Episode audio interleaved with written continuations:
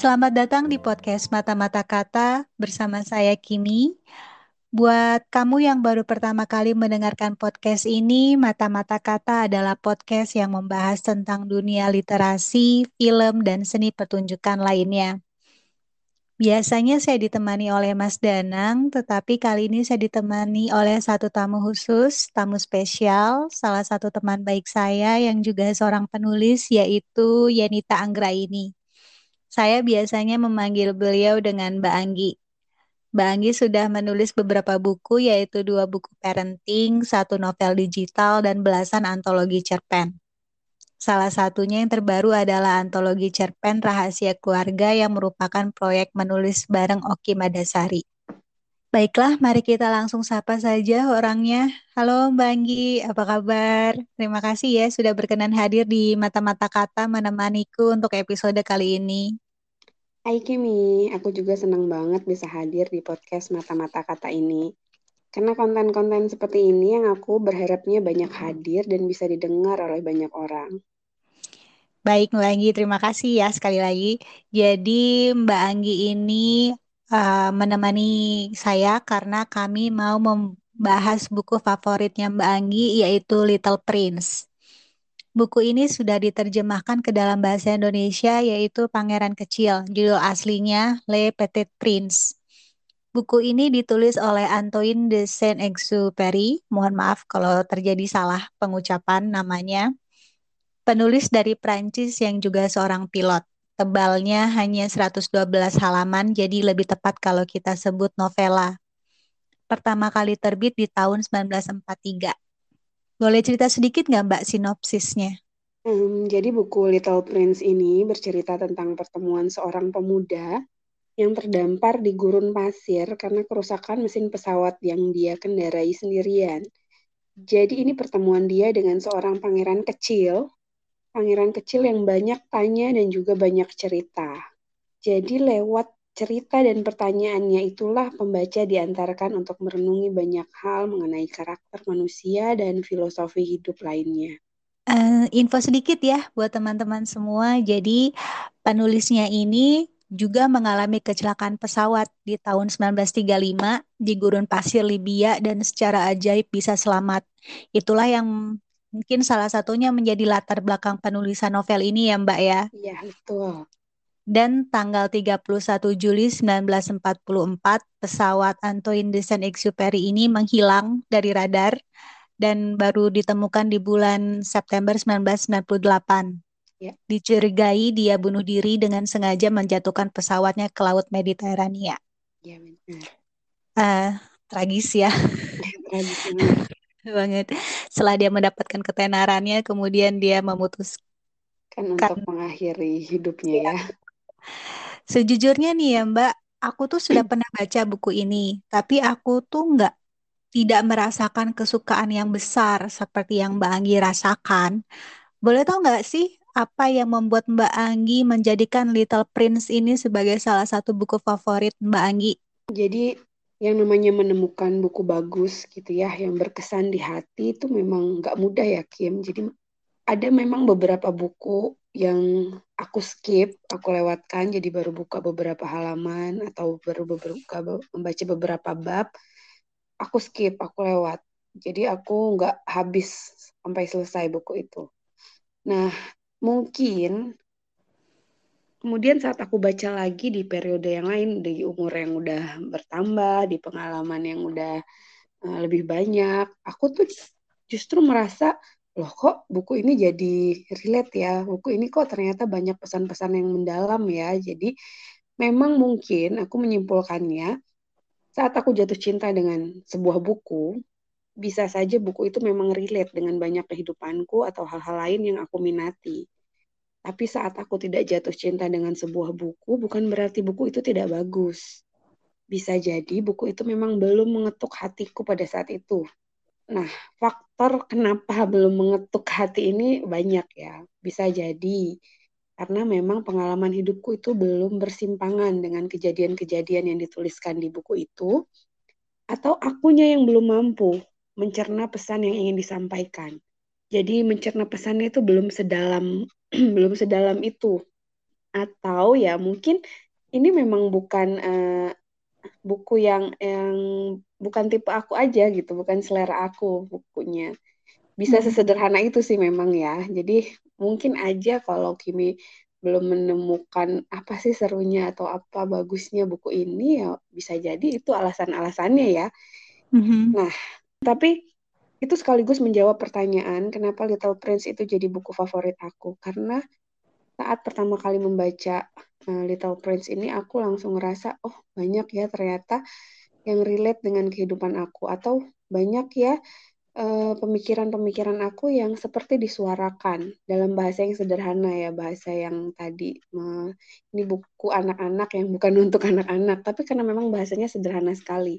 Atau buku ini juga bagi aku bisa membuka sudut pandang baru melihat sesuatu gitu sudut pandang baru melihat banyak hal yang dipetakan oleh buku ini dengan begitu sederhana. Oh ternyata ya memang ya orang dewasa ini seperti ini ya. Jadi bikin aku menyadari banyak hal gitu loh. Menyadari hal-hal yang sebenarnya ini ada dalam diri aku atau dalam diri orang-orang dewasa lainnya tapi tidak disadari dan diingatkan gitu loh uh, oleh buku ini gitu loh. Makanya salah satu teman baik aku juga pernah bilang kalau buku ini sepertinya harus dibaca dalam uh, tiga periode, paling tidak tiga periode dalam kehidupan.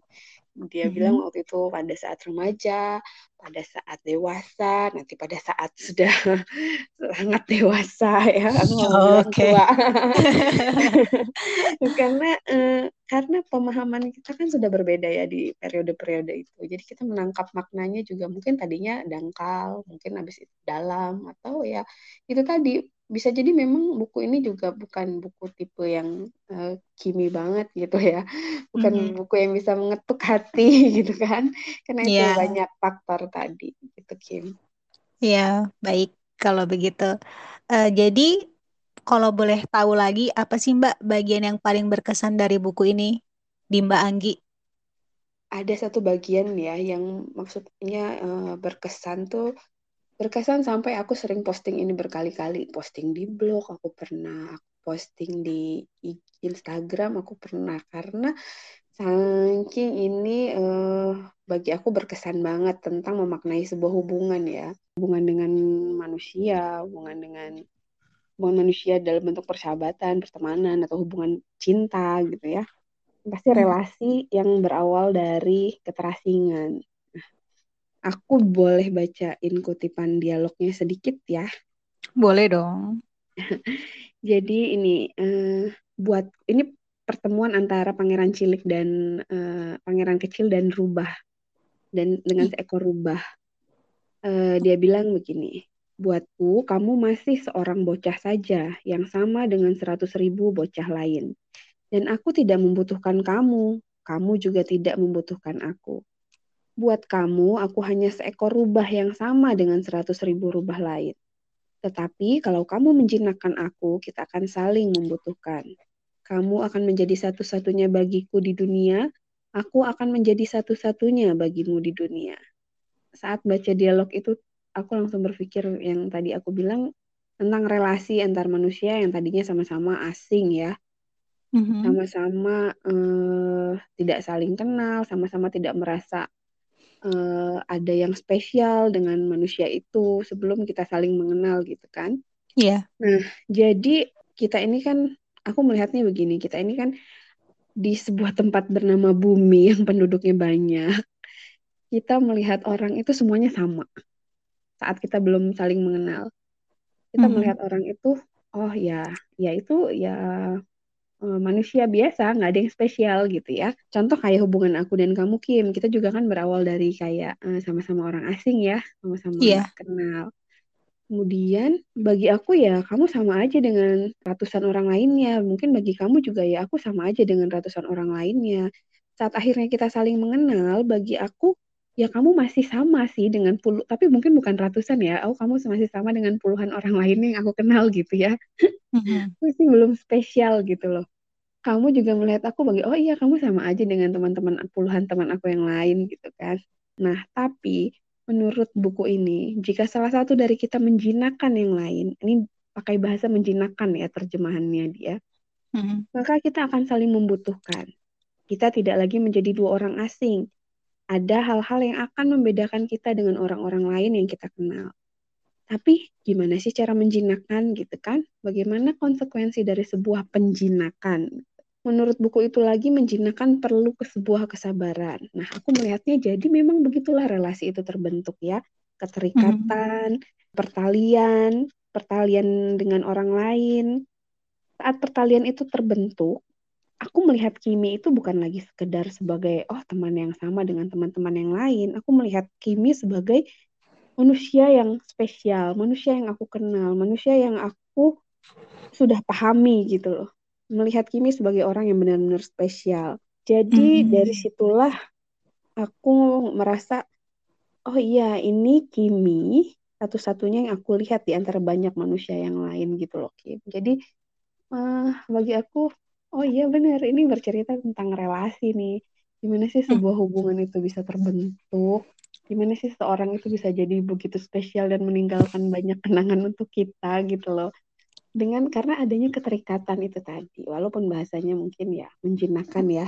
Hmm, iya, aku kok kayaknya kurang setuju ya dengan kata menjinakkan itu, karena menurut aku menjinakkan itu mungkin lebih tepat untuk hewan, ya, hewan peliharaan gitu. Misalnya yeah. kayak hewan peliharaan kita, misalnya seperti anjing atau dalam konteks di buku itu adalah si rubah. Bagi mereka, kita ini kan uh, adalah satu-satunya kan we are their yeah. world gitu kan iya yeah, betul jadi aku merasa kalau kata menjinakkan itu kurang tepat deh kalau untuk menjelaskan hubungan interpersonal manusia kesannya kayak semacam dalam tanda kutip penaklukan jadi seolah manusia lain itu objek objektif di objektifikasi nggak sih tapi itu mungkin aku doang sih aku bisa aja salah Enggak, enggak benar. Aku maksudnya aku juga saat baca terjemahannya ini memang aku belum pernah baca versi aslinya ya. Aku uh -huh. uh, memang beli udah yang beli versi terjemahan bahasa Indonesia ya. Aku juga kurang serak sih dengan bahasa menjinakkan ini. Hmm. Tapi mungkin uh, aku pahaminya karena itu memang ada dialognya antara hewan dan manusia ya. Tapi kalau untuk diterapkan ke manusia gitu hubungan antara relasi manusia ya memang aku setuju dengan Kimi sih. Ya, nggak pas untuk bahasa itu. Aku lebih refer ke apa ya menciptakan keterikatan ya. Menciptakan keterikatan atau membangun pertalian gitu sih. Bukan menjinakkan ya. Karena memang harus ada dua orang. Kalau menjinak itu kan kesannya satu aja gitu kan? Iya betul. Benar jadi kan karena dalam sebuah relasi ya dua-duanya harus mau dong. Kalau satu nggak mau ya atau satunya terpaksa ya nggak akan terjadi yang namanya keterikatan atau pertalian yang aku lebih setuju tadi itu bahasanya. Iya, benar sih. Aku juga sepakat kalau mungkin lebih bagusnya uh, membangun pertalian ya kalau misalnya iya, untuk di, Jadi kita saling kan di situ. Ya, misalnya mau, mau diterapkan di relasi antar manusia ya. Iya betul. Nah, jadi gini Mbak, aku kan juga baca nih review orang-orang. Ada yang bilang, ada yang menulis juga kalau si pangeran kecil ini terlalu banyak bertanya gitu kan. Jadi kayak ininya kayak apa ya? Ah, lu anak kecil banyak banget nanya gitu kan. so, banget gitu ya. Banget gitu kan. Nah, ini sebagai seorang penulis yang pernah menulis tentang buku parenting, ada tipsnya nggak nih Mbak menghadapi anak-anak yang kayak zaman sekarang itu mereka banyak banget nanya, terus pertanyaan mereka kritis-kritis semua lagi. Iya, iya benar, benar, benar banget. Jadi ini termasuk salah satu bahasan, salah satu bab sendiri memang tentang judulnya aku ingat itu kenapa dan kenapa. Karena memang di di buku parenting aku yang pertama. Mm-hmm. Boleh sekalian nyebut judul oh. Boleh silahkan. di buku parenting aku yang judulnya Dear Ayah dan Bunda. Nah di situ ada bab tentang kenapa dan kenapa. Jadi kenapa sih mereka bertanya-tanya terus gitu ya? Kenapa mereka sangat kritis? Karena bagi anak yang namanya orang tua itu kunci jawaban, sumber jawaban. Uh -huh. Jadi kalau udah jadi kunci jawaban sumber jawaban ya mau nggak mau ya cuman kita satu-satunya pilihan mereka gitu ya atau ada orang-orang keluarga di rumah lainnya lah ya sebelum yeah. dia masuk ke lingkungan lain lingkungan sekolah itu kita tuh jadi sumber sumber dari jawaban eh sumber dari jawaban dari pertanyaan-pertanyaan yang dia ajukan gitu kan. Mhm. Sebenarnya menyikapi itu tuh gampang, menyikapi itu tuh mudah gitu. Kalau kita, orang tua ditanya banyak, tanya kenapa dan kenapa, kenapa gitu kan, itu sebenarnya mereka sedang belajar ya, belajar sekaligus memacunya untuk memahami bagaimana dunia ini bekerja gitu kan. Jelas bakal dunia ini kan, eh dia lahir ke dunia ini kan pasti banyak. Kenapa sih bisa begini? Kenapa pasti itu yakin. Tapi orang tua tuh nggak perlu ya terbebani dengan ini, gitu kan. Mm-hmm. Kritisnya mereka nanti, uh, terus bertanyanya mereka nanti itu ditentukan sama respon orang tua terhadap pertanyaan-pertanyaan mereka. Jadi kalau misalnya ditanya sama anak, cukup memusatkan perhatian aja, memusatkan perhatian ke pertanyaan anak, memusatkan ke perhatian ke hal-hal yang menarik bagi dia. Dia tanya karena itu menarik bagi dia. Kenapa itu daunnya nutup ketika disenggol? Daun putri malu misalnya. Kenapa mm -hmm. sih manusia cekukan gitu kan? Ya orang tuanya nggak nggak usah uh, mikir keras atau mengeluarkan segala ilmu-ilmu di bangku sekolahan ya kan? Mm-hmm. untuk menjawab pertanyaan itu. Karena anak tuh cuma pengen sharing loh. Sharing hal-hal yang menarik bagi dia. Bo bagus bagus kalau orang tua misalnya contoh anak anak bertanya nih kenapa sih kita cekukan? gitu kan?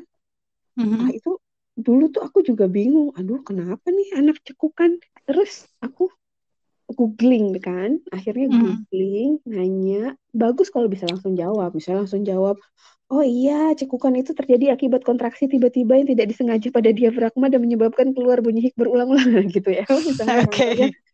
smart banget gitu sampai inget yang gitu-gitu.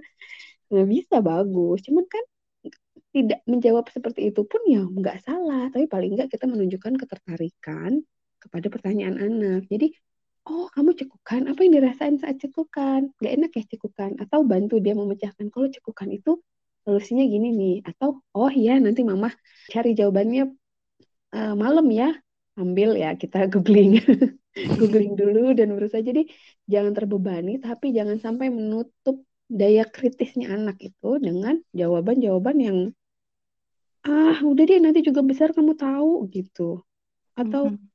Ya udah deh kamu mah nanya terus. Udah deh nanti aja nanyanya. Atau jawaban lagi misalnya ya karena memang dari sananya gitu udah deh jangan ribet. Nah itu kan sebenarnya membuat daya kritisnya dia yang lagi senang-senangnya nanya itu jadi ya meredup gitu loh. Jadi ya nanti nanya lagi jawabannya kayak gitu. Nggak ada pertanyaan nggak ada jawaban yang memuaskan bagi dia nggak ada jawaban yang menunjukkan ketertarikan kita terhadap pertanyaan dia. Nah padahal hmm. itu penting banget penting untuk dia ke depannya ya membangun nalarnya, membangun imajinasinya, membangun rasa ingin tahunya gitu loh.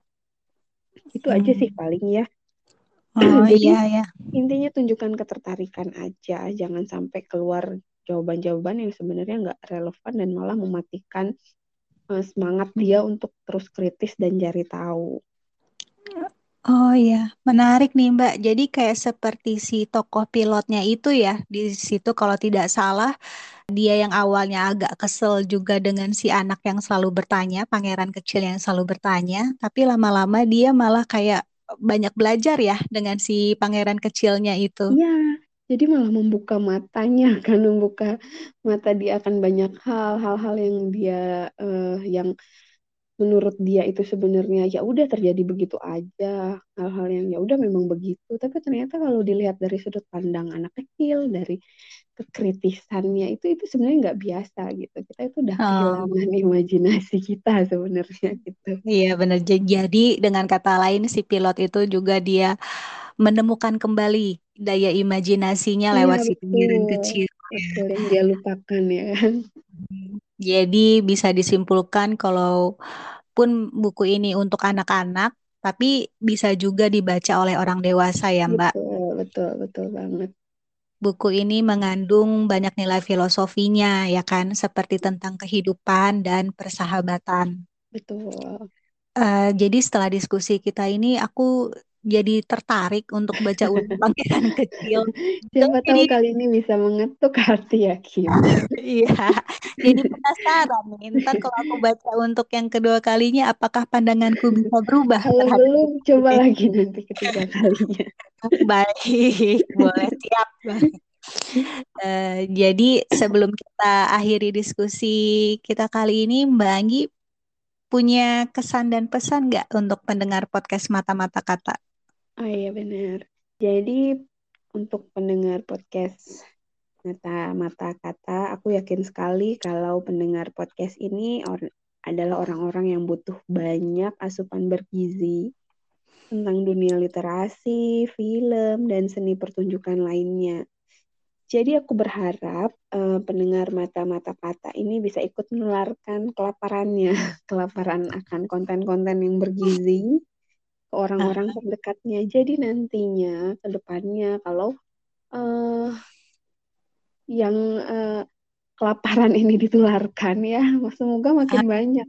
Iya, semoga makin banyak orang yang tertarik dengan makin banyak orang yang tertarik dengan konten-konten bergizi seperti ini, nantinya akan lebih banyak lagi muncul diskusi dan tema yang menarik di dunia podcast dan berkontenan Indonesia. Jangan yang viral tuh hal-hal yang sebenarnya ya. Kimi juga pasti paham kan, Kimi yeah. kan pasti membangun Kimi dan Mas Danang membangun podcast mata-mata kata ini juga kan pasti karena ada kegelisahan-kegelisahan terhadap konten-konten yang ada saat ini gitu kan. Uh, terima kasih sekali loh Mbak. Mata-mata kata dibilang kontennya bergizi nih ya. Aku dan Mas kontennya ini bikin berpikir dulu gimana ini jawabnya. Kami jadi semakin semangat nih untuk menciptakan konten Harus. yang bergizi lainnya, yang bermanfaat lainnya untuk pendengar ya, semuanya. Harus, harus, semangat. Baik, uh, sekali lagi terima kasih Mbak Anggi sudah berkenan hadir di podcast Mata-Mata Kata menggunakan kosakata favorit saya kali ini yang sudah Mbak Anggi sebut yaitu bergizi. Sungguh bergizi sekali diskusi kita kali ini. Aku dapat banyak ilmu dari Mbak Anggi dan novela Little Prince-nya ya tentang persahabatan dan sampai ke parenting. meskipun aku belum jadi orang tua tapi seenggaknya itu bisa jadi modal buat iya, aku terima Kamu kasih bisa jadi orang tua untuk siapa pun loh Kim oh iya terima kasih. Dan juga aku bisa buat jadi orang tua buat semuanya ya. Iya betul. Baik baik Uh, terima kasih juga buat kalian yang sudah mendengarkan episode Mata-Mata Kata kali ini. Jangan lupa untuk like, share, and subscribe podcast Mata-Mata Kata ya. Kalian juga bisa berinteraksi dengan kami di Twitter at podcast mata kata dan di Instagram at mata mata kata. Bagi yang penasaran dengan Mbak Anggi dan ingin ngobrol-ngobrol lebih jauh atau pengen tahu kehidupannya, bisa langsung maksudnya dari postingan sosial medianya bisa langsung kepoin akun media sosialnya di @yenita garis bawah Anggra ini di Instagram. Sampai jumpa di episode selanjutnya. Bye. Bye.